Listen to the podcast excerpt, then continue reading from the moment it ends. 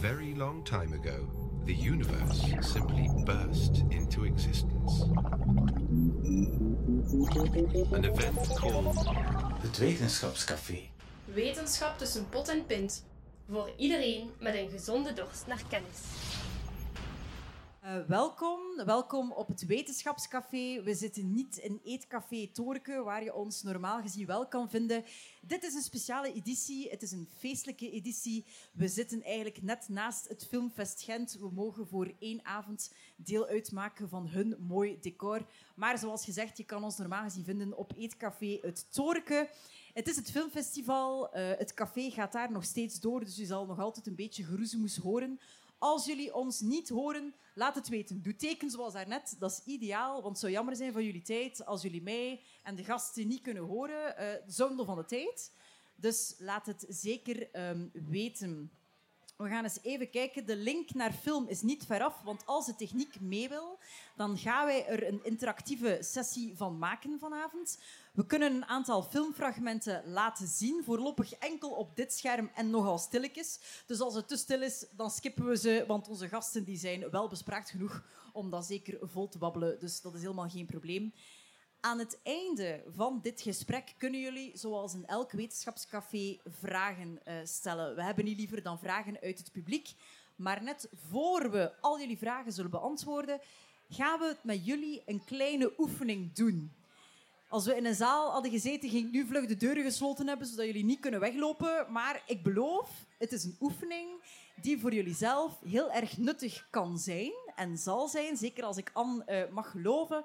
Um, deze editie wordt ook opgenomen als podcast uh, voor de mensen die aan het luisteren zijn. Uh, welkom, uh, leuk dat jullie luisteren. Blijf er zeker bij, want ook al draaien we filmfragmenten, we zullen zeker bespreken waarover die gaan. En ook al doen wij hier met het publiek een interactieve oefening straks, wij zullen zeker um, bespreken waar je die vragen kan vinden. Die staan gewoon op het internet en iedereen kan die oefening voor zichzelf maken. Dus er is helemaal niks verloren. Ik ga even kijken. Ik heb een aantal uh, dienstmededelingen voor we echt van start kunnen gaan. Normaal gezien is er geen livestream voorzien vanavond, maar het gesprek wordt wel opgenomen en achteraf als podcast verspreid. Wie hier ook is vanavond is Iris. Iris, laat je zien, daar zit Iris. En Iris is onze huistekenares en zij zal van deze avond een visueel verslag maken. Zij zal tekenen wat wij hier allemaal uh, zitten te vertellen. En uh, dat visueel verslag zal uh, na afloop verschijnen op de website wetenschapscafé.be en ook op de sociale media, op Facebook en op Twitter. Dus dan zullen jullie een mooie tekening, een leuke samenvatting terug kunnen zien. Wat jullie ook kunnen vinden op wetenschapscafé.be zijn alle andere edities, alle volgende wetenschapscafés. Het eerstvolgende wetenschapscafé is op 26 oktober en dat is in Kortrijk. En voor de rasechte Gentenaars onder ons, die vinden dat Kortrijk maar een flow afkooksel is van deze stad hier. Geen nood, jullie moeten niet uit jullie luie zetel, want dat evenement wordt wel gelivestreamd. Dus dan kunnen jullie gewoon hier uh, rustig uh, gaan bekijken. En dat gaat over hoe wiskunde de wereld begrijpelijk maakt. Linguisten onder ons schenken we alvast een druppel in, want dat zullen we daar kunnen gebruiken. En over druppels gesproken, ga gerust van jullie plaats om een drankje te halen. Uh, geen probleem, het is een café en daar moeten jullie allemaal gebruik van maken. Als het goed is, vinden jullie op jullie tafels een papier, een formulier. En dat is een evaluatieformulier. Als jullie iets te zeggen hebben over hoe wij dit hier vanavond hebben gedaan, wat jullie beter vonden kunnen, wat heel goed was, waar er nog puntjes zijn waar we aan kunnen werken, laat het ons alsjeblieft weten. En het is ook in jullie eigen voordeel, want jullie kunnen een mini-EOS-abonnement winnen. Zeker doen. EOS is een heel goed magazine en daar gaan jullie zeker heel veel aan hebben.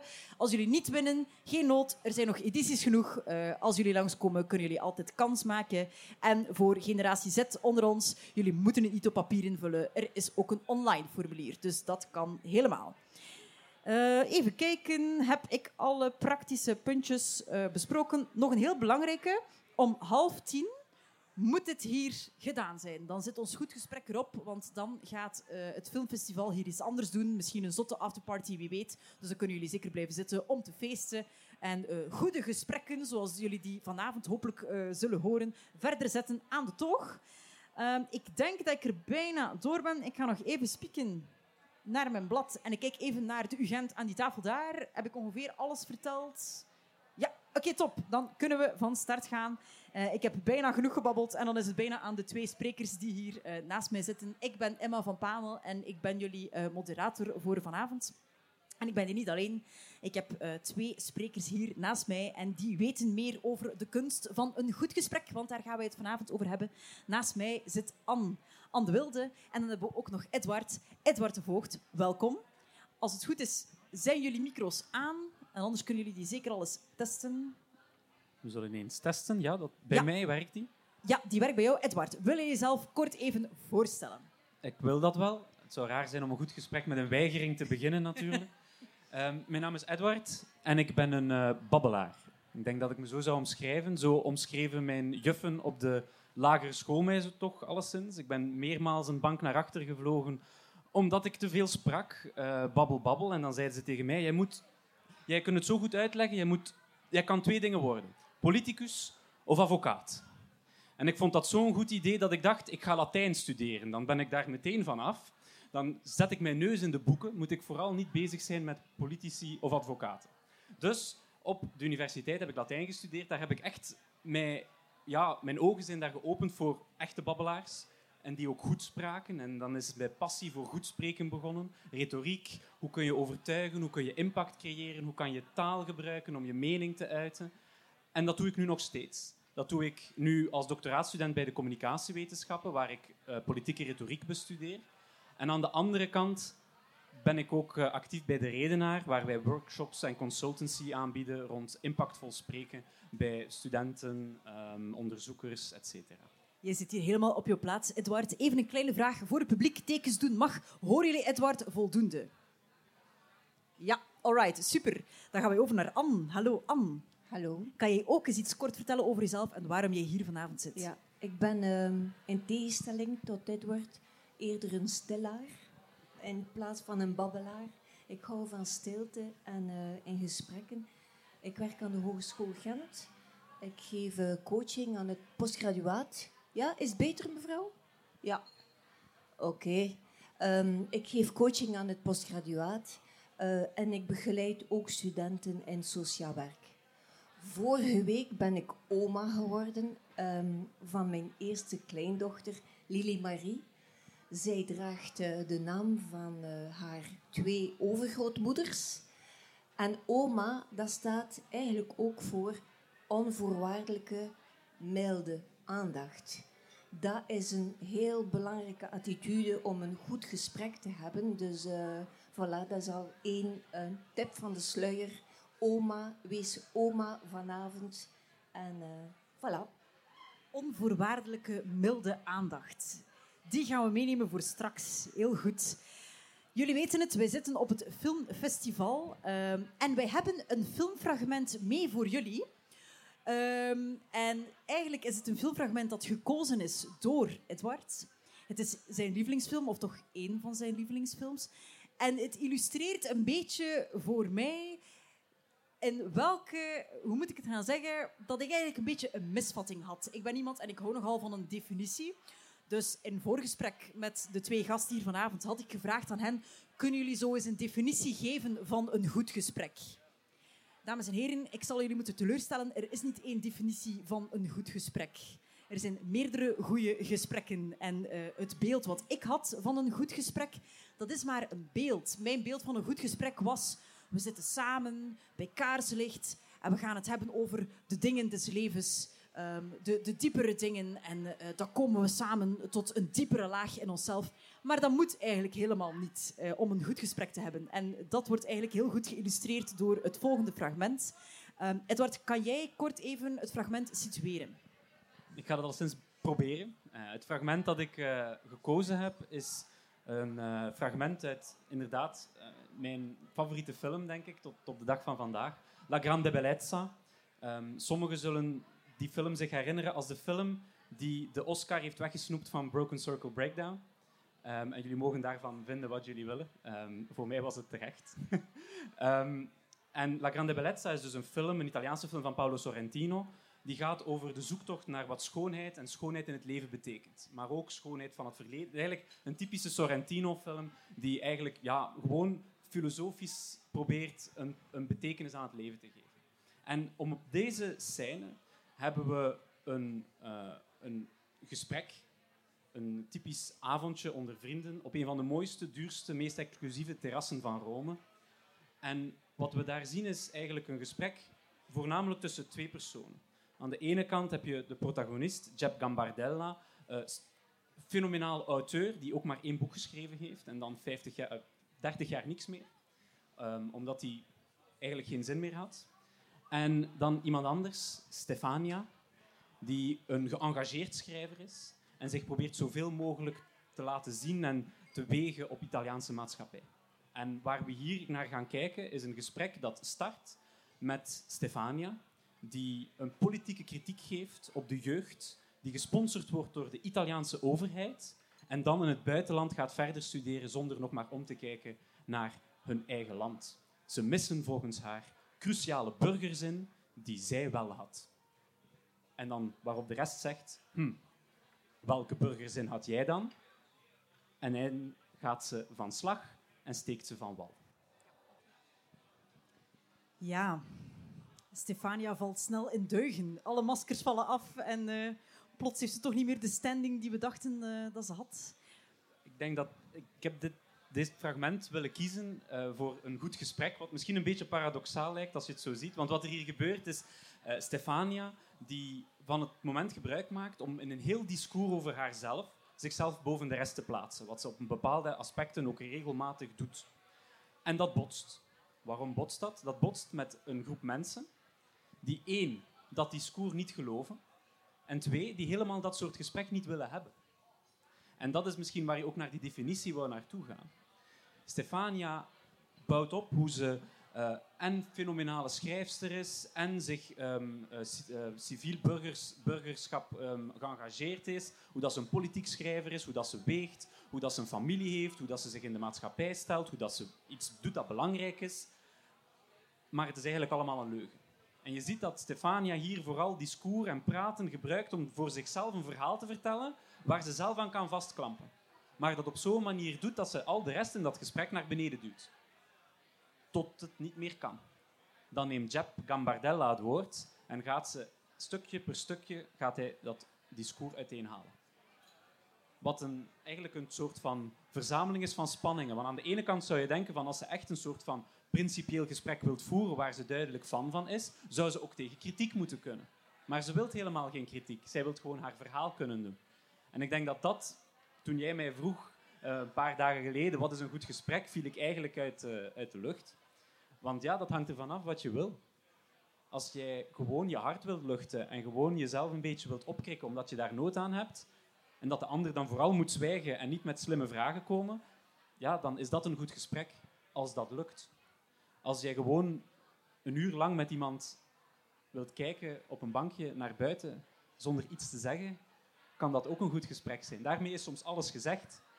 Of bijvoorbeeld, als je zoals Jeb Gambardella aan het einde en de rand van je leven staat en je hebt eigenlijk niet meer goed waarom je eigenlijk leeft of waarom je dingen nog doet en je wilt elkaar gewoon gezelschap houden, elkaar in het gezicht kijken en een keer een grapje maken. Waarom zou dat dan geen goed gesprek mogen zijn? Maar dat betekent dan wel, Edward, dat een goed gesprek van twee kanten moet komen. En dat gesprekspartner A gesprekspartner B met dezelfde verwachting in een gesprek moeten stappen, of niet? Ik, ik ga voor nu daarmee akkoord gaan.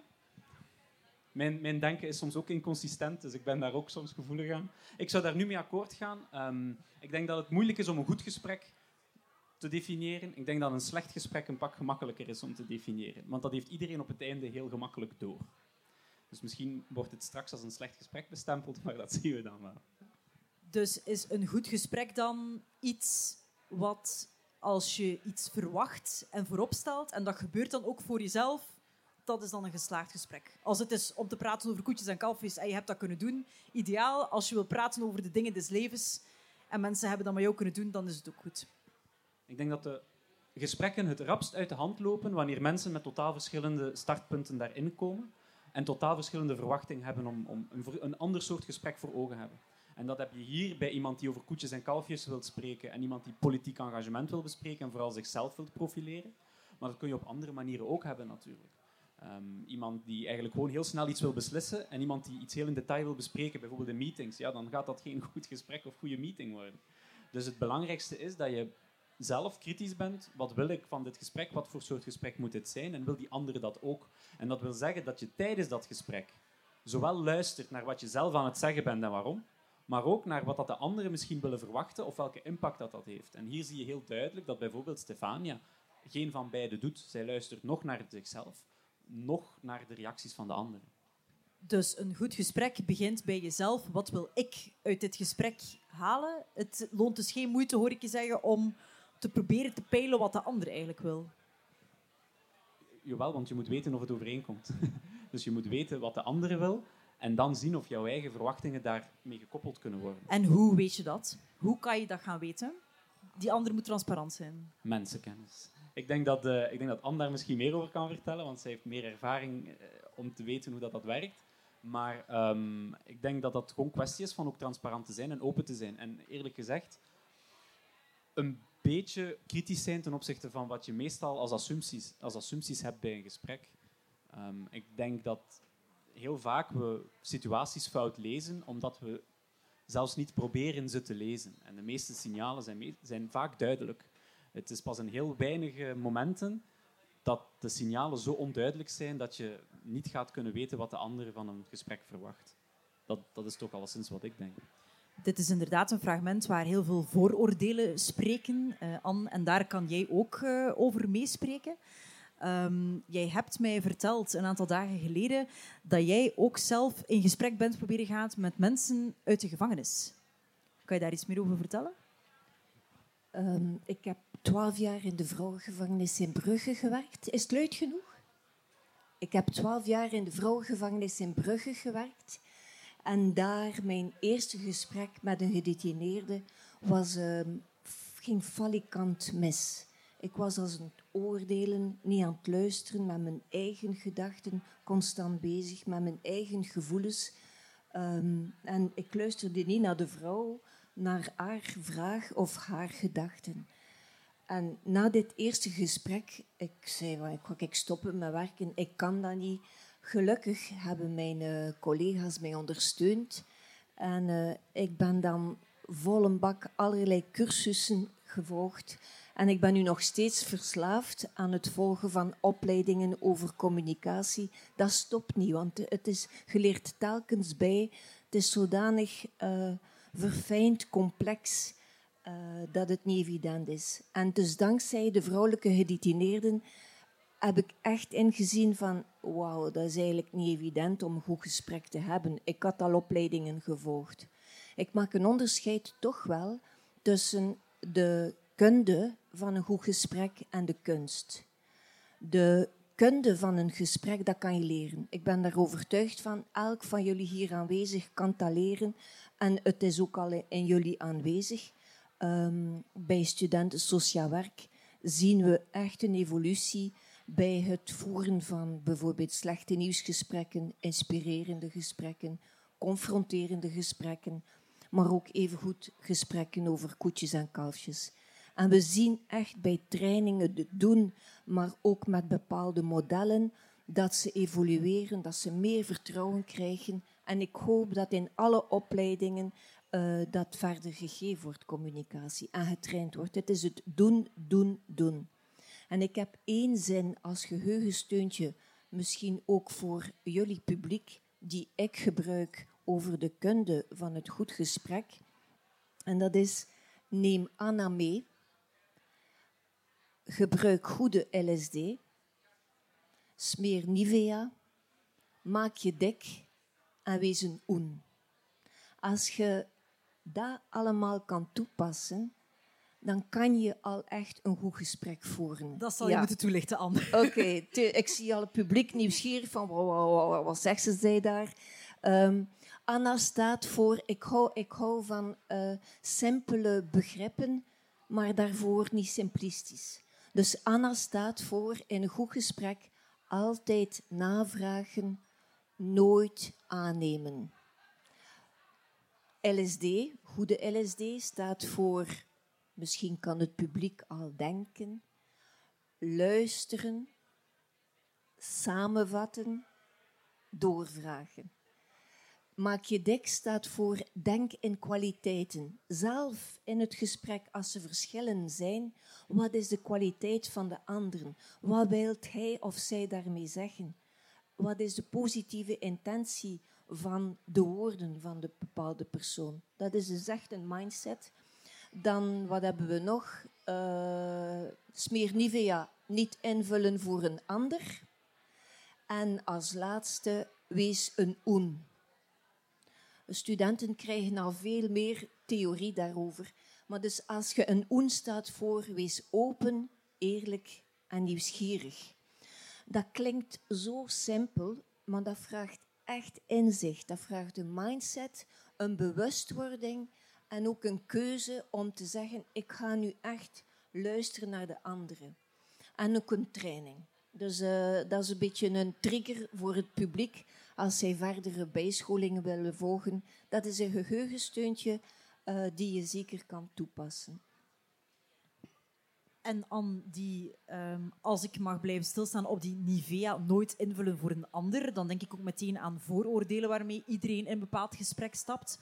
Je geeft ook aan dat het heel moeilijk is om daar voorbij te kijken. Zijn er daar handige dingen voor om daarnaast te gaan kijken? Of vraagt het echt wel training, bewustwording? Dat, ons brein is constant aan het invullen. Dat, dat is, ik zie iemand en ik zeg, ah ja, die is dat. Dus dat vraagt echt een training, afleren, eerlijk, eerst dan bijleren, om, om uh, niet in te vullen. Bijvoorbeeld in de vrouwengevangenis, ik, um, ik, had een gesprek met een vrouw en um, ik moest een verslag schrijven voor uitgangspermissie. En bon, dus ze was heel tijd zo aan het doen. En mensen misschien hier aanwezig weten dat als je zo doet, dat is dat, dat je aan het afkicken bent van drugs. Dus ik zag zo, heel tijd zo doen. Dus ik dacht van, ja, ze is, ze is aan het afkijken. Dus ik zal in mijn verslag schrijven dat dat nog niet aangewezen is dat ze naar buiten gaat. Hè. Maar dan, en dat is een vraag op, een antwoord op jouw vraag dan ben je bewust van, maar ik ga toch wel een keer vragen. Ik zie, ik observeer, ik kijk. Ik ga vragen hoe dat, dat komt dat ze zo doet. En ze zegt mij, ik ben allergisch aan zeep. Oké, en vanuit mijn ervaring drie dubbel check, want ze kan mij wijsmaken wat dat ze wilt. Maar dan heb ik dat gecheckt en dat was effectief zo. Dus dat maakt het verschil. Een goede vraag stellen observeren, kijken, nieuwsgierig zijn en niet invullen, voor haar was dat verschil tussen een uitgangspremissie krijgen om naar haar zieke zus te gaan of niet. En ik was daar eigenlijk de verantwoordelijke van. Dus een goed gesprek hebben is draagverantwoordelijkheid over je eigen woorden, evengoed voor de woorden van de ander. Dat is een beetje de, een pleidooi dat je kan een goed gesprek echt leren zelfs moeilijke, moeilijke gesprekken, zelfs gesprekken met mensen die uh, aanvankelijk niet bereid zijn om te luisteren of te horen. Je kan het leren. Dat is het goede nieuws voor vanavond. Je zegt ook zelfs moeilijke gesprekken en daar uh, hebben wij nog een filmfragment uh, voor mee. Ehm, ik ga die even opsnorren. Edward, kan jij die even toelichten? Ja, ik, heb dit, ik gebruik eigenlijk gewoon dit platform voor sluikreclame voor mijn favoriete films. Uh, staat mij toe. Mag op het filmfestival. Het, het tweede fragment is een um, film van Roman Polanski, Carnage, gebaseerd op het, eigenlijk het, de, ja, een, een award-winnend theaterstuk van Yasmina Reza, um, waarin twee paar ouders um, proberen een conflict op te lossen. de ene zoon heeft de andere in het gezicht geslagen. En zij gaan dat als volwassenen uitpraten. Dus je voelt al waar dat heen gaat. Uh, dat begint heel goed, dat eindigt iets minder goed. En wat je hier gaat zien, en ik wil vooral eens opletten naar hoe um, wij als mens met behulp van taal proberen om zoveel mogelijk muren te bouwen, om zoveel mogelijk protocol te bouwen, zoveel mogelijk structuren, om toch maar niet te moeten zeggen wat we echt aan het denken zijn. Daarover gaat. Hier gaan we. Edward, er loopt veel fout, hè? Er loopt bijzonder veel fout. En nogthans is toch de intentie van die ouders... We gaan het uitpraten, we gaan het, hier, we gaan het hier goed over hebben en we gaan het een deftig gesprek hebben onder deftige mensen. En tensies zijn hier heel goed. En ik, een van de dingen die mij hier het meeste aanspreekt ook om, het- om dat gesprek te gaan analyseren, is... ehm, mijn onderzoek zelf gaat over communicatie en wat communicatie kan betekenen, maar vooral hoe, dat dat, hoe dat wij communicatie gebruiken om god weet wie allemaal, inclusief onszelf, soms voor te liggen. En wat je hier hebt, is hoe wij continu, niet alleen ten opzichte van de ene koppel ten opzichte van het andere, maar ook gewoon de man tegenover de vrouw, ehm, genders tegenover gender, maar ook gewoon binnen het koppel in de relatie, hebben ze tal van constructen, maatschappelijke taalkundige constructen, die wij gebruiken om ja, het onszelf een beetje gemakkelijker te maken tot het awkward wordt, tot het moeilijker wordt. En dan vallen die constructen in duigen. Kan daar een specifiek voorbeeld van geven. Beleefdheidsvorm. Beleefdheidsvorm heeft heel wat goede opties en heel wat goede functies, tot het te veel wordt. Tot beleefdheidsvorm ervoor zorgt dat een gesprek dubbel zo lang duurt dan het zou moeten duren en ervoor zorgt dat je niet tot de kern kan komen van waarom het gaat. Er bestaat zoiets als een ele- elementaire beleefdheid die u helpt om een bepaalde ja, toenadering tot de gesprekspartner te krijgen. Maar als die beleefdheidsvorm een soort van mise en scène wordt, een soort van gedrag, een soort van acteren, ja, dan kan je ook nooit echt dingen goed bespreken. Dat wordt heel moeilijk. Het is iets dat diep gebakken zit in onze cultuur. Het gaat terug tot Il Cortigiano in de Renaissance, waar ze hoflieden probeerden een, eh, een perfect gedrag te laten vertonen. Ik denk dat dat vooral was zoveel mogelijk regeltjes aanleren, dat ze zeker niet te veel konden nadenken, wat voor domme dingen de koning allemaal besliste. Maar dat is wat er gebeurt. We hebben dat ingeburgerd. En zodanig ingeburgerd dat het een soort van gevangenis wordt voor onszelf. En dat is exact wat ja, 50 jaar geleden Foucault schreef, hoe wij eigenlijk cultuur... Eigenlijk cultuur is voor ons ook een stuk gevangenis. Het zorgt ervoor dat wij allemaal denkpatronen hebben die wij gebruiken om onszelf te controleren en vooral niet te zeggen wat we echt denken. En zo kunnen we nooit tot de kern van een goed gesprek komen als je elke keer die culturele, taalkundige barrières, al die ideeën, vooroordelen, constructen over andere ouders, over uw eigen zoon, over uw eigen vrouw, over uw eigen man, als die altijd in de weg staan tot het hebben van echt de kern van de zaak hier, wat gaan we doen met die twee jongens die elkaar slaan, dan gaat het fout. En hier in deze gaan alle relaties fout. En je ziet ook heel fijn, zeker een aanrader, hoe dat elke partij op een bepaald moment met een andere partij kant kiest. Dus ze switchen continu van zijde. Eh, en op het einde, raar maar waar, zijn ze allebei, al, alle vier, het zijn ook maar vier acteurs in heel die film, volledig kapot. Volledig aan de grond, tot aan een animale zelf. Het probleem is opgelost. Ja, het probleem is opgelost. Niet via een goed gesprek, maar eigenlijk een complete eh, vernietiging. Maar Edward, ehm, wat ik mij dan afvraag, is dat dan puur dat wij onszelf vastrijden in van die constructies, zoals hij ze noemt, gewoon om conflict te vermijden, omdat we bang zijn om andere mensen te kwetsen? dat is het, eh, het idealistische beeld. En ik denk dat dat zeker meespeelt. Maar ik denk ook dat het vooral jezelf niet kwetsen is. Mensen bouwen van zichzelf een imago. En het beeld dat je hebt van jezelf is zeer belangrijk voor jezelf, de manier hoe je in het leven staat, maar ook voor de manier hoe dat je een conversatie aangaat.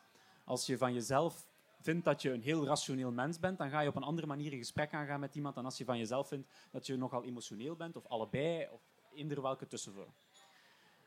Wat mensen vooral willen doen, is hun eigen beeld omhoog houden. Zeker in conflict situaties, waar heel veel partijen vaak de bovenhand, ze willen de meerdere zijn. De, de, de, de rationele, eh, eh, sensibele, geduldige kant van de, van de zaak. Zij gaan het alleszins niet laten ver- vervallen in barbariteiten, zeg maar. En ik denk dat het vooral een soort van... Het is die zelfcontrole van Foucault. Ze proberen vooral zichzelf in check te houden. Niet noodzakelijk, en ik ga niet zeggen dat mensen niet inzitten met andere mensen kwetsen, want dat zou een zeer cynisch beeld zijn van de mensheid. Maar ik denk dat veel meer mensen, zonder dat ze het weten, bezig zijn met vooral niet inconsistent zijn met zichzelf. En dat brengt ons ook bij La Grande Bellezza, dat is Stefania, die niet inconsistent wil zijn met zichzelf, maar evenmin Jeb Gambardella. En, zo, en dat is denk ik het interessante van de technieken die jij daarnet aanhaalde, is dat het technieken zijn om je eigen inbreng in een gesprek kritisch te gaan bekijken. Wij leren op school, op de hogeschool, op de middelbare school, op de lagere school, leren wij elke stap van de weg in elk vak kritisch zijn. Ten opzichte van de ander. Dat is een heel goede zaak. Maar we vergeten soms kritisch te zijn ten opzichte van onszelf. En vergis u niet, elke keer als je spreekt, ben je jezelf eigenlijk blaasjes aan het wijsmaken. Want je verwoordt iets dat in je hoofd meestal niet zo rechtlijnig is, in iets dat heel rechtlijnig is, namelijk een paar zinnen. En het is een kunst om daar kritisch ten opzichte van te zijn. Maar het is wel een kunst die we aan het verleren zijn en die steeds belangrijker wordt de dag van vandaag. Denk maar aan eh, complottheorieën, denk maar aan fake news. We zijn altijd kritisch voor de ander, we zijn kritisch voor de journalist, we zijn kritisch voor de politicus. En hoe vaak zijn we kritisch ten opzichte van onze eigen ideeën, onze eigen discours en onze eigen motivaties om iets al dan niet te willen geloven? Anne, jij haalde daarnet aan dat daar technieken voor bestaan. eh, ook voor die ehm, situaties waarin we eh, conflictgesprekken aangaan, moeilijke gesprekken. En jij ziet daar een tool in de deep democracy in weggelegd. Kan je dat even toelichten? Ehm, ik ga eerst eventjes iets anders zeggen. Zeker. Dat is ook een goed gesprek. Ik ben het eh, niet aan het afleiden, maar... ehm, dus de kunde van een goed gesprek, dat kan je leren. En kritisch zijn ten opzichte van zichzelf en anderen, dat leren we zeker in sociaal werk, in onze opleiding. Het is hier geen publiciteit voor sociaal werk, maar toch, echt waar, daar zijn onze studenten heel bewust mee bezig, wat dat een goede zaak is. Ik maak, ik maak reclame voor films, dan mag jij reclame maken voor Voilà, eh, sociaal oké. werk. We worden hier Ehm, dik gesponsord En dan, en dan daarna, dus je hebt die kunde, inzichten, ehm, wat dat jij ook zei, het is echt ook zelfinzicht en bewustwording in eerste instantie. En die technieken helpen tot op een bepaalde grens. Tot op een bepaalde grens, want als je te kunstmatig begint en met die technieken, dan, eh, dan wordt het kunstmatig. Ik heb dat zelf ervaren, al de opleidingen die ik volgde, probeerde dat dan toe te passen met de vrouwelijke gedetineerden. En die één vrouw die mij echt geraakt heeft en die mij ook wakker gemaakt heeft bij, ehm, bij al die technieken, is van, oh, jullie hulpverleners, sociaal werkers, jullie denken, eh, jullie gesprekken, dat is enkel met het hoofd en niet met het hart. En dat is het verschil voor mij tussen eh, kunde, dat, dat doe je met hoofd. En de kunst van een gesprek, dat gaat 30, 30 centimeter naar beneden, naar je hart. En dat is misschien een beetje wollig, eh, bla bla bla. Maar als je dat toepast, als je met iemand zit die echt heel openhartig naar jou kijkt, zonder oordelen, die zegt van je mag er zijn. En ook de meningsverschillen mogen er zijn. De, de andere tegenstrijdigheden mogen er zijn en dat te aanvaarden. Dan kom je tot een, de kunst van een goed gesprek. Eh, en inderdaad, in Deep Democracy eh, gaat het vooral over... ehm, we zijn helemaal conflictvermijder en we zijn beleefd en ja, het is wel oké en dat en dat en dat. Ehm, maar zij nodigen uit al van hoe denk jij anders dan mij, Edward? Dus ze anticiperen al op voorhand dat er ehm, tegenstrijdige gedachten zijn. En het is oké om dat te doen, maar door dat uit te nodigen en dat licht op te zetten, moeten we dat niet onderdrukken, al die tegenstrijdigheden. En dat is een eh, heel interessante boeken eh, van Fanny Matthijssen over Deep Democracy. eh, die, ehm, dat is ontstaan in Zuid-Afrika, waar dat, ehm, na de, de apartheid mensen opnieuw moesten samenwerken, samen spreken, samen leven. En dat was ehm, ja, een traumatische ervaring. Stelt dat eh, jij nu mijn zwarte baas wordt en ik ben een, een witte. Dat, dat, dat, dat, was, dat was echt heel, heel moeilijk om tot een gesprek te gaan omwille van die vooroordelen, omwille van de, de status en de maatschappelijke status. Ehm, dus deep democracy, we hebben te weinig tijd om daar dieper op in te gaan, Mag maar daar- zeker Mag ik interessant. daar toch eens op, eh, op, op terugkomen? Ehm, want, Mag hij? Ja? Hij mag. ik, eh, een van de dingen die ik wel interessant vind, is... ehm, het idee dat je anticipeert dat er verschillen zijn om conflicten op te lossen, vind ik heel interessant. Maar ik ben nu aan het denken aan een specifieke situatie waar dat misschien minder, het, minder een voor de hand liggende manier is om dat te doen. En ik denk nu bijvoorbeeld aan politiek. Ja, daar zijn er doffies verschillen. En die zijn heel duidelijk. Heeft dat zin om die te anticiperen? Want ze weten ze al op voorhand, nog voordat ze aan de onderhandelingstafel zitten. Weet iedereen op voorhand wat die verschillen zijn? Zou je daar dan niet kunnen zeggen dat het interessanter is om misschien gelijkenissen te anticiperen? Ehm, en dus uh, democratie is, is eigenlijk dat alle stemmen er mogen zijn. En dus nu in de politiek is het van de meerderheid wint het op de minderheid. We gaan een beetje stemmen, dat is oké, dat is goed. Maar in die deep democracy gaat het een beetje dieper. Het is oké, wij hebben een meningsverschil, ook politieke meningsverschillen. Oké, wat heb jij nodig om tot die basisbeslissing te komen, bijvoorbeeld gelijke rechten voor mannen en vrouwen.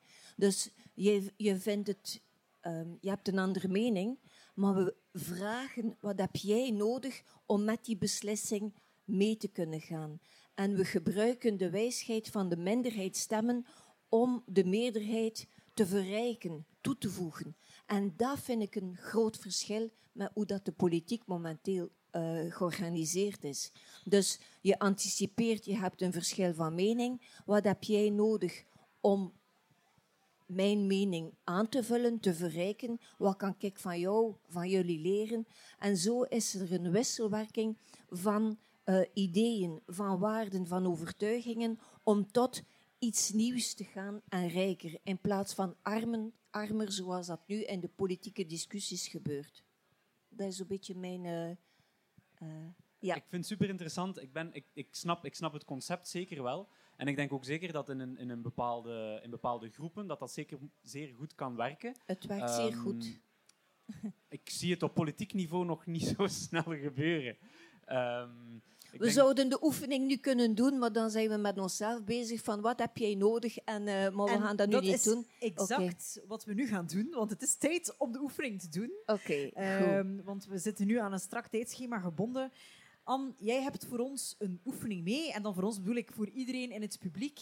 Um, en eigenlijk is het een individuele oefening, als ik het goed heb, die jij gaat begeleiden. En de uitkomst van die oefening zal voor één ieder zijn... Wat heb jij nodig om voor jezelf tot een goed gesprek te komen. Zeg ik het goed? Precies. Ja. Oké. Okay. Um, ehm, dus de kunst van het goed gesprek, dat is een andere dimensie.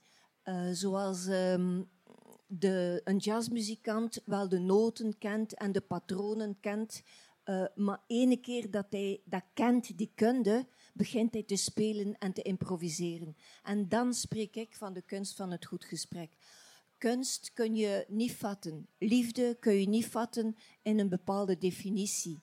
Um, en dus de kunst van het gesprek kan je ook niet in een definitie vatten. Ik laat me inspireren door um, Afrikaanse zelflofdichten en ook wel um, Tibetaanse poëzievormen om dieper na te denken en bijna geboren te worden van een nieuw inzicht, een nieuwe ervaring. En dus de kunst van het goed gesprek is eigenlijk beleven, ervaren. En dit gaan we nu doen. Um, neem het risico. Sommigen denken, oei, oei, wat gaat dat hier zijn? Ik moet ik naar het wc gaan, mevrouw, ik zag u al kijken. Maar ik ben aan het invullen in uw plaats. Hè. Um, die gedachten mogen er zijn. En sommigen zeggen, yes, eindelijk ga ik een keer iets ervaren in plaats van heel tijd te luisteren. Um, dus neem het risico. Wees een oen. Verras uzelf en de anderen. Ik ga jullie echt stap voor stap begeleiden daarin. En uh, we zien wel wat het zal opleveren. Iedereen heeft een blaadje en een stilo. Ik voel me zo een juffrouw van oké, okay, neem een blaadje papier en neem een stilo. Het is absoluut geen examen, no stress. Um, je doet ermee wat dat je wilt. Mogen wij ook een blaadje? Je hoeft uh, straks het niet te delen, het mag. Oké. Okay. De eerste opdracht. Iedereen is klaar. Geef me zijn steentje. Ja? Ineke, Edward wil ook een oen zijn. Ik ben dat al lang en ik ben er al heel lang van overtuigd. Dus, eh, Voilà, oké. Je, goed. Je schrijft op het blaadje papier het cijfer van 1 tot 20. 1, 2, 3, 4, 5, 6, 7, 8, 9, 10, 11. Dus van 1 tot 20, je geeft die nummertjes. Dat gaat gemakkelijker zijn eh, om de oefening dan nog verder te rustig te kunnen ervaren. En je zal jezelf verrassen. Hoop ik. Het is een vluggertje. Normaal gezien doen we daar eh, heel, maken we tijd daarvoor. Maar vluggertjes kunnen ook wel leuk zijn soms. Ehm, Oké, iedereen is klaar? Start. De eerste is, denk aan het thema een goed gesprek. Dat kan een goed gesprek zijn, dat kan je herinneren aan een goed gesprek die je gevoerd hebt, maar het kan ook even goed, zoals Edward zegt, een zeer slecht gesprek. Dus je schrijft de zin ik en dan goed gesprek of wat dat je denkt. Of ik, ik ben hier nu en denk aan een goed gesprek. Dat kan heel eenvoudig zijn. Dus schrijf een eerste zin met ik, begint met ik, en dan een goed gesprek of de kunst van het goed gesprek, of een slecht gesprek, of een inspirerend gesprek. Kies maar over gesprek of houd het simpel. Ik ben hier en ik denk aan een goed gesprek. Ja? Niet te veel denken, voelen, onze eerste zin.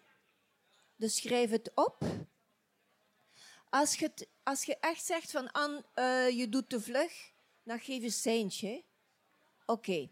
De tweede regel is, omschrijf waar je bent. Je kan hier omschrijven in een café, maar het kan ook zijn in je verbeelding. Ik denk aan een goed gesprek die ik gehad heb met mijn moeder. Ik zit met mijn moeder in de zetel, bijvoorbeeld. En have fun. Schrijf gewoon op wat dat er van gedachten. Je schrijft ik en omschrijf waar je bent, hier en nu of in je verbeelding. Oké, ik zie een aantal mensen schrijven of fronsen. Vraag 3. Ik en beschrijf wat je ziet. Beschrijf wat je ziet. En de innerlijke blik, je kan gewoon vooruitkijken. Beschrijf wat je ziet in verband met dat thema natuurlijk. Hè. Ik zie mensen die schrijven, bijvoorbeeld.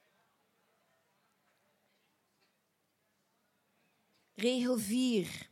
Beschrijf wat je denkt over dat thema, over het hebben van een goed gesprek.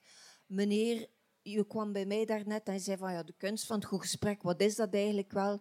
Ik, eh, wat is kunst? Wel, je kan ook zeggen, ik weet het niet. Dus ja, beschrijf wat je denkt over een goed gesprek.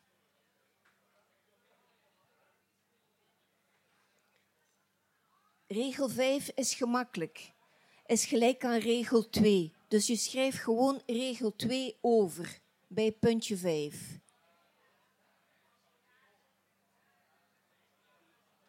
Oké.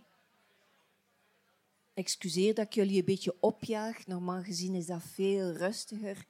Regel 6 is wat je voelt op, als je regel 2 leest. Wat voel je als je regel 2 leest?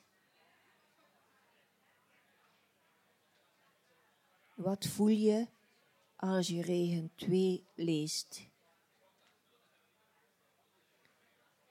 Regel 7 is gemakkelijk, is gelijk aan regel 4. Dus je schrijft gewoon regel 4 terug bij 7.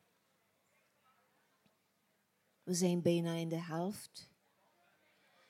Regel 8 is jouw gedacht op regel 7. Wat denk je als je regel 7 leest? Wat denk je als je regel 7 leest? Ik zie al een aantal mensen glimlachen. Regel 9 is gelijk aan regel 6. Je schrijft gewoon regel 6 op.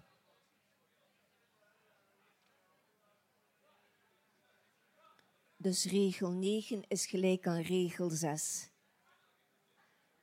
Oké, regel 10. Wat voel je als je regel 2 leest? Wat doet dat met jou? Opnieuw, regel 10. Wat voel je als je regel 2 leest? Wat doet dat met je? En je schrijft dat op.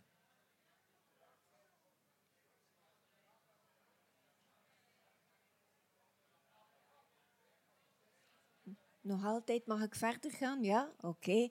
Regel 11 is uh, gemakkelijk, is gelijk aan regel 8.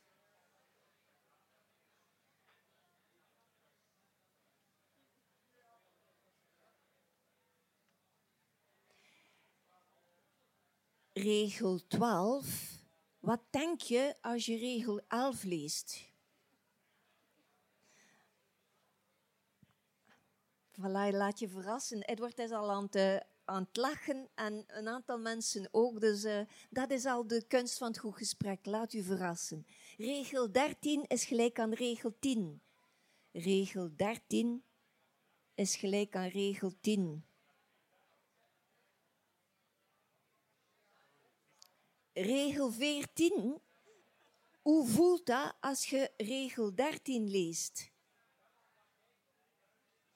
Hoe voelt dat als je regel 13 leest?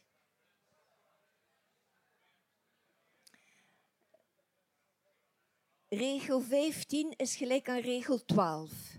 Dus je schrijft gewoon regel 12 op naast het cijfertje 15.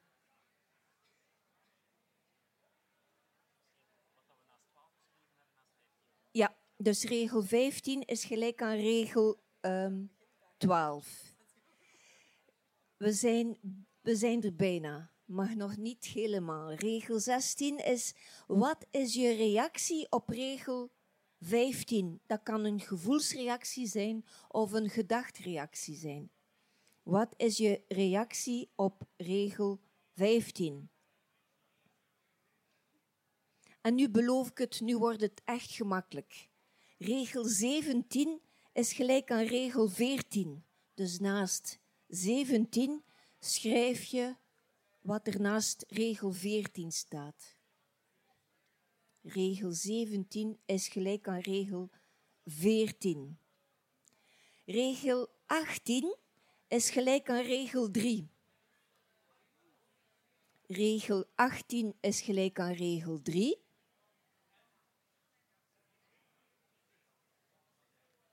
Achttien is gelijk aan regel 3.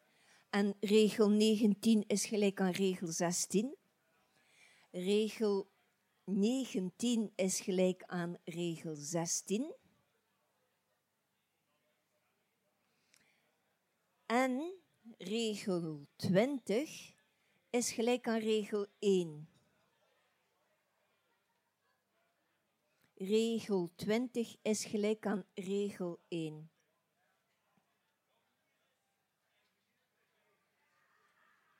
En wat ik nu heel graag zou hebben, uh, normaal gezien, um, als er meer tijd zou zijn, dan wissel je een keer van tafeltje. Uh, je mag dat nog doen. Maar dat je per twee een partner uitkiest. En misschien een blind date, als jullie dat willen. Dat je zegt van wissel een keer van partner van tafel. Maar als je zegt nee, ik, uh, ik hou het liever safe en geen blind date dan um, blijf je aan je tafeltje en je leest aan elkaar een aantal pantoums voor. Je leest eigenlijk je eigen gedachtengang aan elkaar voor aan de tafel. Oké? Dus misschien aan mensen die nemen het risico om te ontmoeten, om jezelf te verrassen, want de kunst van het goed gesprek is risico's nemen. Dus je leest heel, het, heel um, voor aan de anderen. Dat zijn geschenken die je aan elkaar geeft, echt waar. Oké. Ik hoop dat dat voor iedereen een beetje gelukt is. Ik ben heel benieuwd welke nieuwe banden er gesmeed zijn of net helemaal niet. En tot welke diepe ideeën en nieuwe bewustwordingen eh, jullie gekomen zijn. Ik geef nu graag het woord terug aan Anne. Anne, dank u voor eh, deze toch wel confronterende oefening. Confronterend of verrassend. Ehm, alles mag, alles kan in een goed gesprek. Ehm, misschien ehm, hebben jullie aan elkaar geschenken gegeven. Een geschenk geven na een gesprek is kunnen eh, zeggen wat dat, dat met jou doet en terugkoppelen. Dat is geen compliment geven, want een compliment geven is een positief oordeel. We hebben daarnet al over oordelen gehad, negatieve oordelen of eh, vooroordelen, maar zelfs ook positieve oordelen kunnen soms um, ambetant zijn. Geschenken zijn echt in gesprekken. Jij hebt mij iets gegeven die um, mij iets doet. Ik ben dankzij jou, dankzij jullie, ben ik nu meer mens. Dat is een beetje de Ubuntu-filosofie van dankzij anderen word ik meer mens na een gesprek. En dat zijn de geschenken die je aan elkaar kunnen geven. En dat kan ook over koetjes en kalfjes. Dat hoeft niet heel diepgaande gesprekken te gaan. Maar als je die bewustwording hebt, als je een gesprek hebt met iemand van oké, ik ontvang hier een geschenk en ik geef het terug, dan is er al heel, heel veel, um, moet ik zeggen, constructiviteit en luisterbereidheid. Dus ik hoop dat je vanavond naar huis gaat en misschien nog een keer een beetje het een en het ander vertelt aan jullie familie of zo. En dat je zegt, ik heb een geschenk ontvangen en ik zal het ook aan jou geven. In plaats van complimenteren. Ik denk dat dat mooie woorden zijn om uh, af te sluiten. Dank je wel, Anne. Dank je wel, Edward. Dank jullie wel aan iedereen die bereid was om ook uh, deze avond mee te volgen en de oefening um, mee te doen. En ik hoop zeker dat jullie er iets aan hebben gehad en jullie, zoals Anne zegt, een mooi geschenk kunnen meenemen naar huis. Het is nog niet helemaal gedaan. We hebben nog even de tijd. En ik kijk heel graag rond in dit publiek wie er nog vragen heeft. Vragen voor Edward, vragen voor Anne, vragen uh, voor allebei. Je kan het zo gek niet bedenken. Er bestaan geen stomme vragen en ook geen stomme antwoorden. Of alles gewoon, mag, alles kan. Of gewoon jullie geschenken vertellen, dat mag ook. Dat mag Dus, zeker. eh, Dus, um, ik ben zeker nieuwsgierig ook wel. zijn er dingen die we nog niet besproken hebben? Ja. Ik ga even de vraag herhalen. Hoe kan je een goed gesprek hebben als je tegengestelde belangen hebt? Terechte vraag. Uh... Ja. Um, ik ga er altijd vanuit tegenstaan. Achter ieder gedrag is er een positieve intentie. Ja? En dus um, dat is het verschil met toen ik in de gevangenis werkte en um, ik had nog die mindset niet. Ik had de intentie om met die persoon een gesprek te gaan. En dus telkens zoeken naar die positieve intentie en op intentieniveau met de persoon eerst en vooral um, eerst verbinding, dan inhoud. En dus first connect, dan content. Dus eerst connecteren. En ik denk dat daar, um, dat daar iets mis is in onze maatschappij. Dat we eigenlijk niet eerst denken van hoe kan ik connecteren met iemand die misschien een ander belang heeft of met een andere manning. First connect. En verbinding maken is voor sommigen echt heel moeilijk. Zeker als er bijvoorbeeld voor mij iemand die haar kinderen vermoord had, maakt daar een keer verbinding mee. Dus um, dat is echt een bewuste keuze die je moet doen. Dat is een antwoord op, uh, op vraag. Ik, ik, ga daar heel kort op inpikken.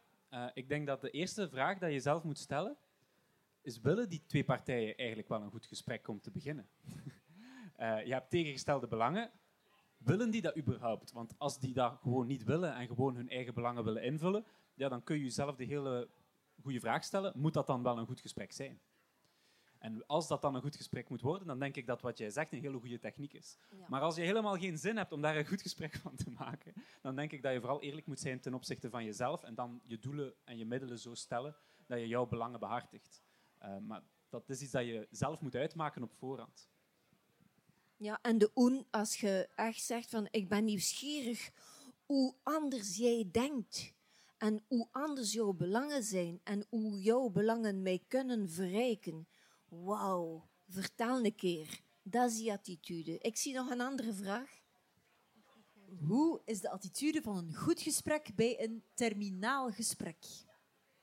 Ehm, ik heb al verschillende ehm, pijnlijke ervaringen gehad bij een terminaal gesprek. Een terminaal gesprek is als de persoon eigenlijk helemaal, ja, ehm, voor mij, maar ik, ik heb de pretentie absoluut niet om, eh, om daar zo'n antwoord op te geven.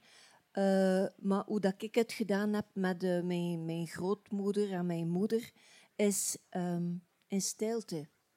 En hoe dat ik het gedaan heb, we hebben een mooi ritueel gedaan samen met mijn eh, zus en mijn broers, is, eh, is de persoon echt bedanken voor al wat dat ze gedaan heeft. En dat was voor mij... ehm, dan, dan heb je volgens onze rationele ehm, logica heb je geen antwoord terug, maar via ehm, spiritualiteit, zingeving, ehm, ook in deep democracy en andere culturen kan je echt met de, met de ziel, de geest, weet ik ik veel wat, eh, ook wel verder een gesprek mee doen. Hier worden we dat een beetje afgeleerd om zo op dat niveau gesprekken te hebben. Eh, maar bon, spreek met de ziel bij wijze van spreken en je krijgt het antwoord. Je doet ermee wat dat je wilt. Dat is hoe dat ik het gedaan heb. En ehm, ja, voilà. Dat is een mooie vraag. Echt een mooie, interessante vraag. Ik zie daar nog een vraag, inderdaad. Dank u. Ik, ik denk dat het eerste wat je moet proberen doen, is common ground ehm, vinden. Dat is de standaard voor elke communicatie. Ehm, om elkaar te kunnen proberen... eh, om elkaar te kunnen proberen overtuigen van iets of iets, om, om iets te doen, moet je eerst identificatie teweeg brengen. En dat doe je alleen maar als je ergens een veld hebt waar je allebei jezelf in kan herkennen. Ehm, en ik denk dat zeker als je moeilijke gesprekken moet aangaan met mensen die een totaal ander wereldbeeld hebben of visie hebben op wat er gebeurt, is volgens mij, ehm, zeker als jij dat goed gesprek wilt aangaan, in eerste instantie hun verhaal horen en dan gaan kijken hoe jij jouw verhaal binnen hun veld, binnen hun eh, visie, daar kan gaan inbouwen. Ehm, inbeuken op een ander verhaal heeft geen zin.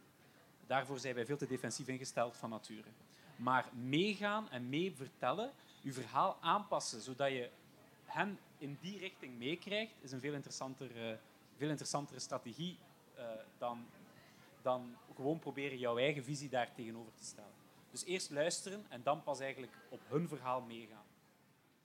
Ik denk, eh, in Deep Democracy hebben ze daar heel veel eh, tools voor en inzichten. Dus omgaan met weerstand is van de weerstand benoemen.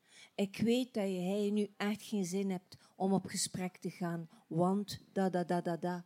Mijn rol is als onderwijzer of als manager of als eh, weet ik veel wat. Mijn rol is om eh, dat en dat en dat te zeggen. Wat heb jij nodig? Stel dat ik jou op het matje roep. hè. Wat heb jij nodig? Weten dat je geen zin hebt om op dat gesprek te gaan. En weet wat dan mijn rol is. Wat zou toch, ondanks die weerstand, toch not- nuttig kunnen zijn voor jou? En dan komen we op wat Edward zegt van peilen en luisteren en ehm, connecting van wat is er dan toch interessant? En dan kom je dichter bij die persoon. En dan kom je waarden van die persoon en die overtuigingen. En dan kom je echt te weten van, wauw, je leert die anderen kennen vanuit die weerstand. En dat zijn mooie, mooie momenten die, ehm, die ja, onlangs had ik het met een team, omgaan met weerstanden in een team.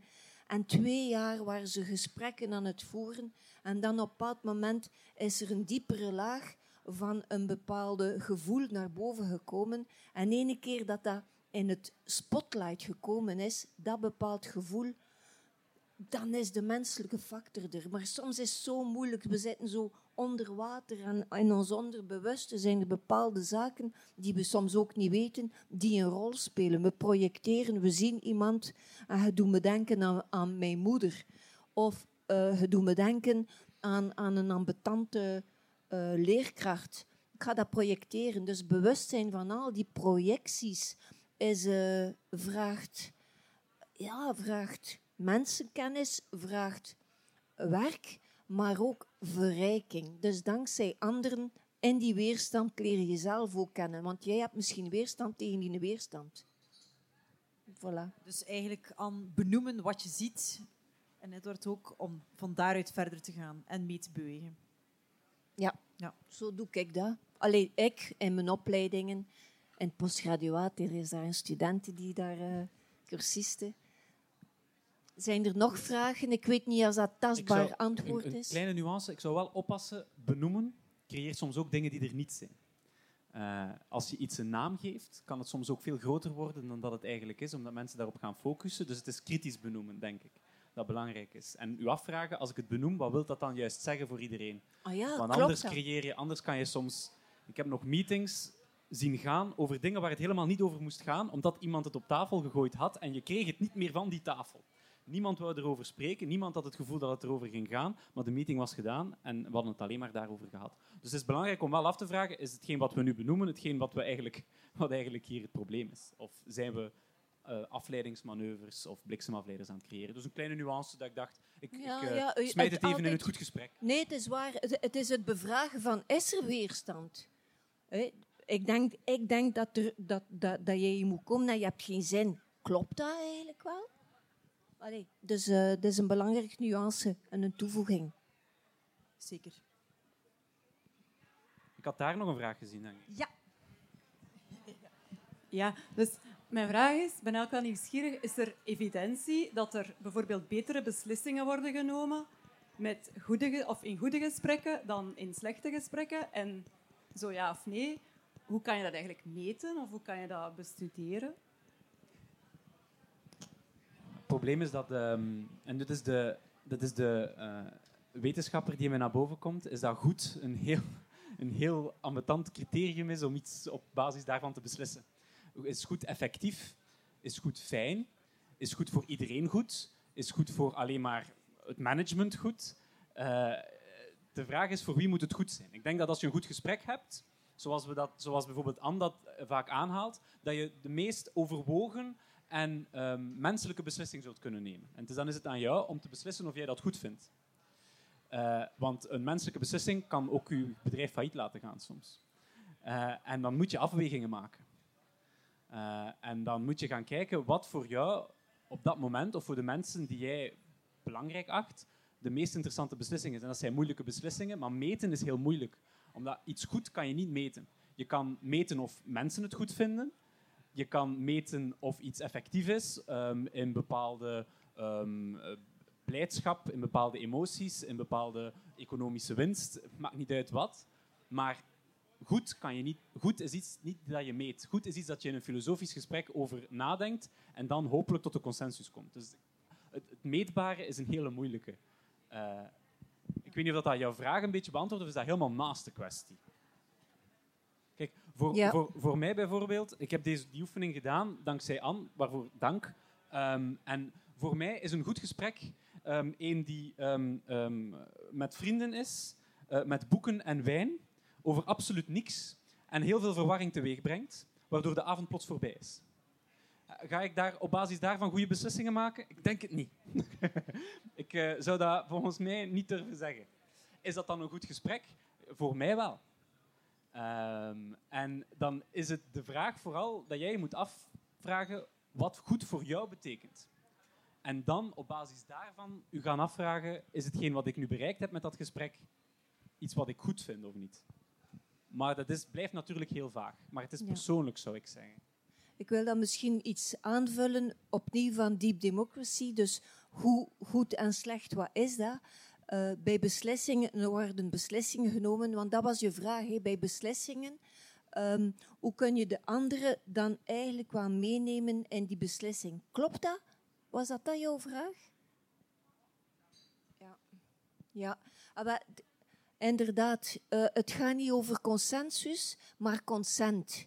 Hoe kan je, en dat is soms een soort van moeilijkheid, ook wel van ge- gewilde consensus. En eigenlijk ja, trekt die beslissing op niks bij wijze van spreken. Wat dat er gebeurt ook, er is een beslissing en iedereen zegt ja, ja, ja, maar je ziet dat die beslissing absoluut niet niemand achter die beslissing staat, dan is sabotagegedrag. Ze komen niet af of uh, allee, allerlei sabotagegedrag. En daarom is het belangrijk om echt een consent te hebben en geen consensus. En de consent is van, um, we hebben een beslissing. Wat heb jij, wie denkt er anders over na? Oké, okay, we gaan weer uh, de, al de verschillende ideeën sprokkelen en dan de wijsheid daaruit halen, toevoegen bij de beslissing. Wat heb jij nodig om toch tot die beslissing te komen, rekening houden met wat dat jij gezegd hebt. In deep democracy doen ze dat met gesprekken op voeten. Dat is misschien nog heel vaag, maar als je daar uh, gaat verder op zoeken, gaat, is dat een heel tastbaar iets. En zo merk je het verschil tussen uh, consensus in een bepaalde groep over een bepaalde beslissing of consent is, ik geef de toestemming, er is rekening gehouden met mijn idee, ze hebben geluisterd naar mijn tegenargumenten of mijn andere dingen. En zo is er een vermenging en een wijsheid in dat gesprek die op langere termijn echt oplevert.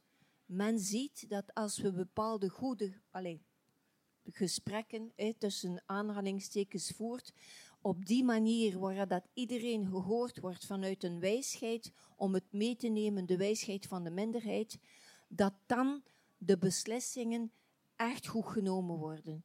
En het gaat vooral over zich gewaardeerd voelen, erkend voelen en niet altijd over meningsverschillen. Dus maakt verschil tussen consensus en consent en zoekt uh, gesprekken op voeten bij deep democracy op dat kan je misschien wel uh, ideeën geven om daar constructiever mee om te gaan. Zijn er nog mensen die nog vragen hebben? Of opmerkingen, ideeën? Hopelijk zijn jullie niet allemaal gedesillusioneerd. Er zijn wel degelijk goede gesprekken, maar het is wat je er zelf van maakt en wat je zelf een goed gesprek vindt. Is een goed gesprek uh, gendergevoelig? Ik bedoel, man-man, vrouw-vrouw. Zijn daar verschillen tussen? Ik vind dat dat heel belangrijk is, denk ik. Versta je het? Ik, ja, ja, ja. ja. Ik, een relevante vraag. Um, ik ben daar niet de grootste expert in, maar wat ik wel kan zeggen is dat uit onderzoek naar empathie wel blijkt dat um, mensen meer empathie voelen voor mensen die zich identificeren met hetzelfde gender. Dus empathie gaat daar alleszins gemakkelijker en vlotter. Uh, en die, die verschillen zijn soms relatief groot. Dus uh, vrouw, vrouw, man, man, daar heb je gewoon meer empathie bij. Net zoals dat je gewoon in group met mensen van dezelfde soort afkomst, dezelfde soort ideeën, dezelfde soort kringen, um, een, uh, een groter natuurlijke empathie zal voelen. En dat is, empathie is cruciaal natuurlijk voor een goed gesprek te kunnen voeren. Maar ik denk dat Anne daar zal van zeggen dat dat geen barrière hoeft te zijn als die empathie er in eerste instantie niet is. Dat je die kan creëren met een bepaalde methode. Je zei dan invullen voor mij, ja. Nivea, Edward. Ja, ja, ja. Nee, ik smeer nee. Nivea waar ik kan. Dus. uh, wat, wat, wat ik ondervind uit uh, mijn trainingen, workshop, dat er um, naar gender geen echt verschil is. Wat ik wel zie in sociale, dat er verschillen zijn in sociale stijlen. De ene is meer analytisch ingesteld um, dan uh, de andere. Je hebt daar verschillende testen en sociale stijlen voor. En daar geloof ik wel in dat er echt verschillen zijn in stijlen. En een sociale stijl is, um, dat is gedrag in groep en in communicatie met twee. En bijvoorbeeld mijn, mijn man al die cursussen die ik volg, dat is een hopeloos geval. Ik hoop dat dat niet opgenomen is. Nee, hij luistert niet. Maar ik heb wel nu, ik heb wel leren omgaan met, um, omdat, hij, omdat hij zeer analytisch ingesteld is, luistert hij echt naar de feiten. En dus minder naar de, de gevoelens. Ik ben eerder een, een simpatico, hoe dat ze dat zeggen in sociaal. Dus, maar dankzij het inzicht dat hij heel anders is dan mij, kunnen we nu beter gesprekken voeren dan toen ik het niet wist en ik hem verweet en hij luistert nooit naar mij en hij, de hele tijd bezig met je gevoelens daar. Dus nu is het van acceptatie en aanvaarding dat er verschillen zijn en die verschillen kunnen echt elkaar verrijken in plaats van te botsen. Maar dat komt echt vanuit een bewustwording en dan een keuze van, yes, we zijn heel verschillend en we lachen een keer van, ja oké, zij is weer bezig met haar gevoelens en hij is weer bezig met de dingen, maar ehm, dus ja, we zijn nog altijd getrouwd, dus, uh, dus, um, dus het heeft niet met gender te maken, maar er zijn wel echt verschillen in sociale stijlen en sociaal gedrag tussen mensen. En het is mooi om dat te ontdekken, zonder dat ook weer in kottekes te steken, want ze doen dat dan in de bedrijven. Je zei dat kleur en dat kleur en dat kleur. Dat is weer overdreven en kunstmatig. Uh, maar het geeft wel een kompas opnieuw van uw, zelfkennis. Om dan met de kompas van een ander om te gaan en zo uh, te vermengen. Dat is uh, mijn ervaring. Ik keek nog een keer rond of er nog vragen opgedoken zijn. Ik keek ook eens achter het hoekje. Anne, wil jij tot slot misschien nog even herhalen waar mensen die vragen kunnen vinden? Ook voor de mensen die de podcast beluisteren, want die kan je overal vinden, had ik mij laten vertellen door jou. Ja, je kunt het vinden op uh, online en um, de Pantoum noemt dat. P-A-N-T-O-U-M.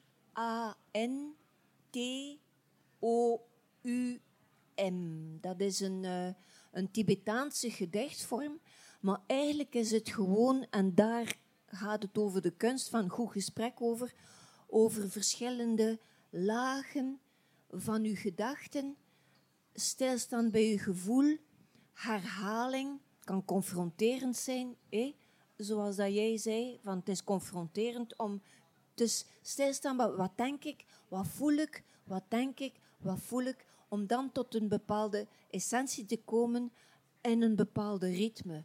Um, en je kunt dat met jong, oud, met je kinderen thuis doen. Je kunt dat gebruiken voor allerlei thema's.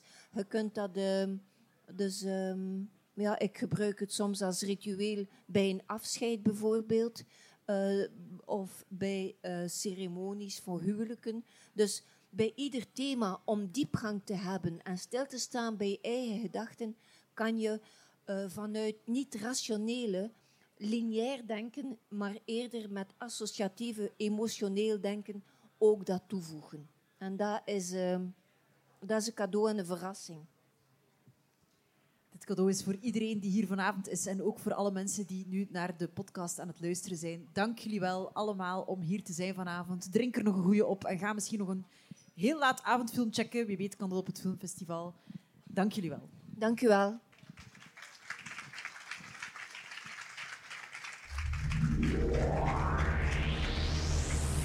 Very long time ago, the universe simply burst into existence.